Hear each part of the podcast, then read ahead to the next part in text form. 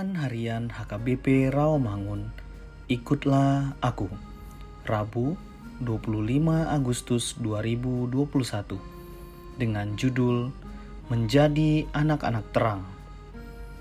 Bacaan untuk kita pada pagi hari tertulis dalam Yesaya 33 ayat 10 sampai 16 dan bacaan kita pada malam hari tertulis dalam Yohanes 15 ayat 16 sampai 25. Dan kebenaran firman Tuhan untuk kita pada hari ini tertulis dalam 1 Tesalonika 5 ayat 5 yang berbunyi Karena kamu semua adalah anak-anak terang dan anak-anak siang.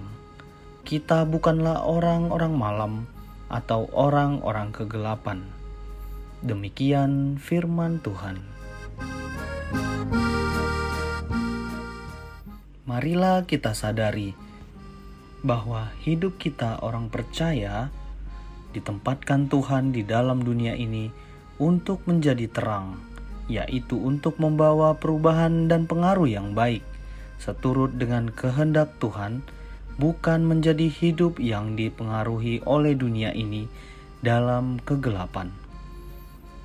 Rasul Paulus mengirim surat kepada jemaat Tesalonika agar senantiasa tetap di dalam Tuhan, dan juga harus senantiasa berjaga-jaga terhadap kegelapan dunia yang sedang mempengaruhi kehidupan keimanan jemaat Tesalonika saat itu, di mana sebagai anak-anak terang digambarkan dengan mengerjakan pekerjaannya dengan baik seturut dengan perintah Tuhan pada siang hari Sedangkan gambaran anak-anak kegelapan yakni kemabukan dalam kegelapan atau malam yang bertentangan dengan perintah Tuhan. Firman Tuhan pada hari ini mengajak kita untuk merenung serta mengingatkan kita akan siapa diri kita saat ini. Apakah kita sungguh-sungguh telah menjadi anak-anak terang atau masih dalam kegelapan? Mari kita hidup dengan lebih mawas diri sebagai anak-anak terang, supaya kita dapat lebih berhati-hati dan bijaksana ketika bertindak. Tuhan menempatkan kita untuk hidup bersama dengan orang lain dengan berbagai latar belakang, agar perilaku hidup kita dapat menerangi orang-orang di sekitar kita.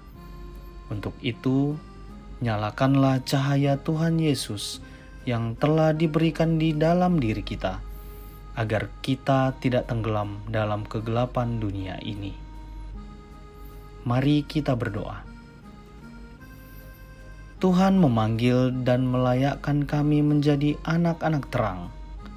Mampukan kami Tuhan melalui kuasa dan kasih-Mu, menyatakan terang yang dari Tuhan di tengah-tengah dunia ini. Amin.